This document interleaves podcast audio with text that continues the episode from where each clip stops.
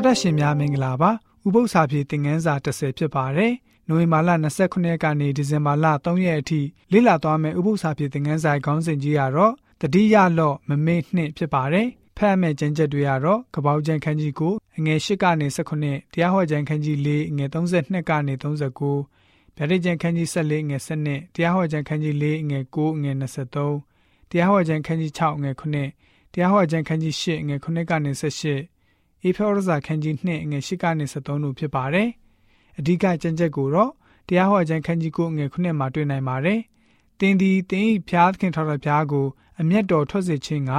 တော၌ပြုမိသည်ကိုမမှိနှင့်အောက်မေလောတင်းဒီအဂရုပြည်ကထွက်သောနေ့မှစ၍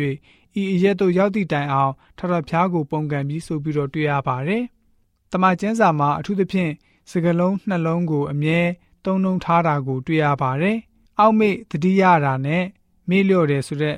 အဲ့ဒီစကလုံးနှစ်ခုဟာ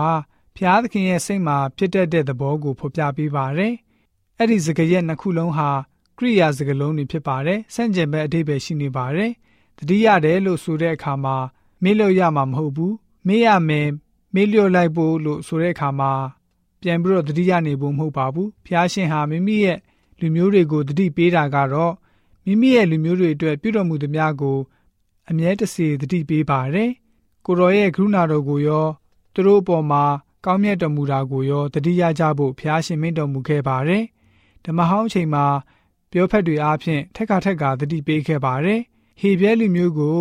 အစဉ်တတိပေးတဲ့အရာကတော့မိမိတို့အပေါ်ဖျားရှင်ပြုတော်မူသည်များကိုမမေ့လျော့ကြဖို့ကိုပြောဖက်တွေကနေတဆင့်အမြဲတတိပေးပါတယ်။သူတို့ကိုအထူးခေါ်တော်မူတဲ့အကြောင်း ဘယ်အတွက်ခေါ်တော်မူရတဲ့အကြောင်းကိုလည်းပြန်ပြီးတော့သတိရကြဖို့ဖြစ်ပါတယ်။ဆန်လံကျဲခန်းကြီး89ငွေ7မှာထာတော်ဖျား၏အမှုတော်တို့ကိုအောက်မေ့ပါမည်။ရှေးကာလ၌ကိုတော်ပြုဘူးသောအံ့ဩဖွယ်တို့ကိုအောက်မေ့ပါမည်ဆိုပြီးတော့တွေ့ရပါတယ်။ယနေ့ကျွန်တော်တို့အချိန်ခါနဲ့လည်းပဲကြွာချချက်ရှိသလား။ခုနကစီမင်းဥပဒေကိုကျွန်တော်တို့ကြည့်တတ်ရပါမယ်။တတိယချင်းဟာ